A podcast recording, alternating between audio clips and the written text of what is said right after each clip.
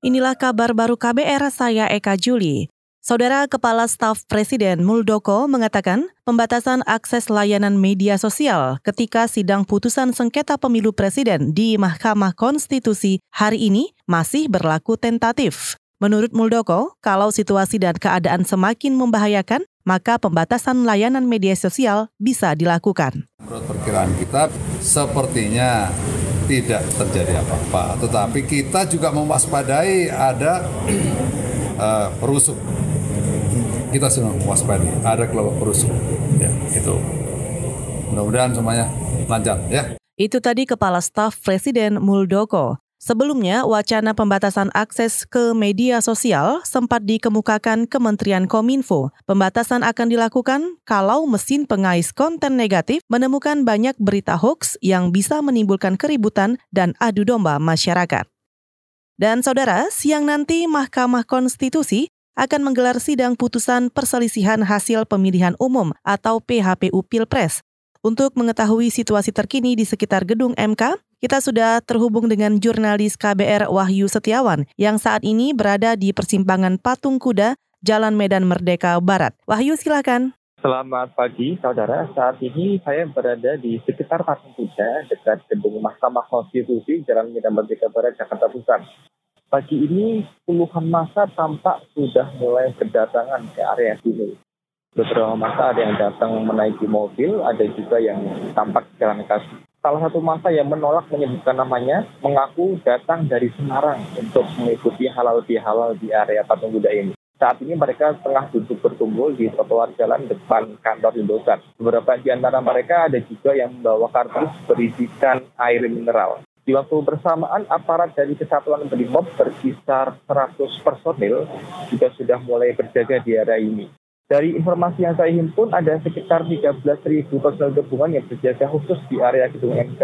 Dari pihak kepolisian belum ada yang bisa saya konfirmasi terkait adanya aksi massa hari ini. Namun kemarin, Kapolres Jakarta Pusat Hari Kurniawan mengatakan tidak ada pemberian izin aksi massa di dekat kantor MK. Kemudian penutupan dan pengalihan arus sudah mulai diterapkan.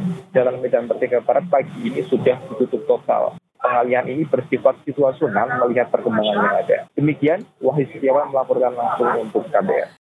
Dewan Perwakilan Rakyat atau DPR menilai menemukan solusi atas masalah lembaga pemasyarakatan di Indonesia lebih kompleks daripada sekadar membangun lapas baru di pulau terpencil. Anggota DPR Komisi Hukum HAM dan Keamanan Arsul Sani mengatakan Sedikitnya ada tiga hal penting yang harus diselesaikan pemerintah terkait kekacauan lapas, mulai dari memperbaiki regulasi, kelembagaan, dan SDM, juga perbaikan budaya petugas dan narapidana di dalam lapas. Lapas ini apakah di pulau terpencil atau di mana, ya kita tata dalam konteks pembaharuan RUU pemasyarakatan. Pertama, kan gini, intinya kita punya permasalahan di sistem pemasyarakatan kita, di lembaga pemasyarakatan kita. Dan itu harus kita dibenahi secara sistemik, bukan hanya satu bagian saja. Satu bagian itu misalnya adalah memindahkan lapas-lapas itu ke pulau terpencil atau apa. Anggota Komisi 3 DPR Arsul Sani menambahkan, pemerintah dan DPR sedang mengkaji serta memperbaiki sistem lapas untuk dicantumkan dalam rancangan KUHP dan rancangan Undang-Undang Pemasyarakatan.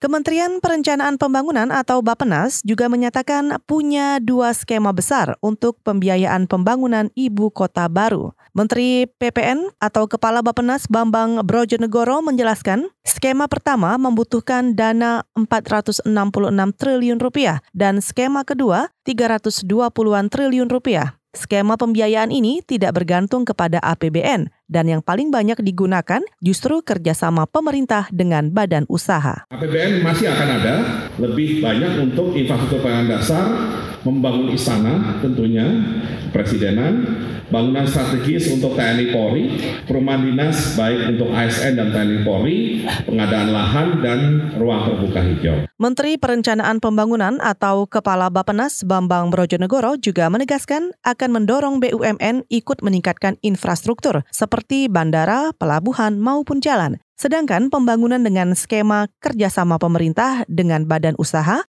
akan didorong untuk membangun gedung perkantoran dan infrastruktur utama seperti listrik, air, dan sarana pendidikan, sekolah, universitas, sarana kesehatan, dan lainnya.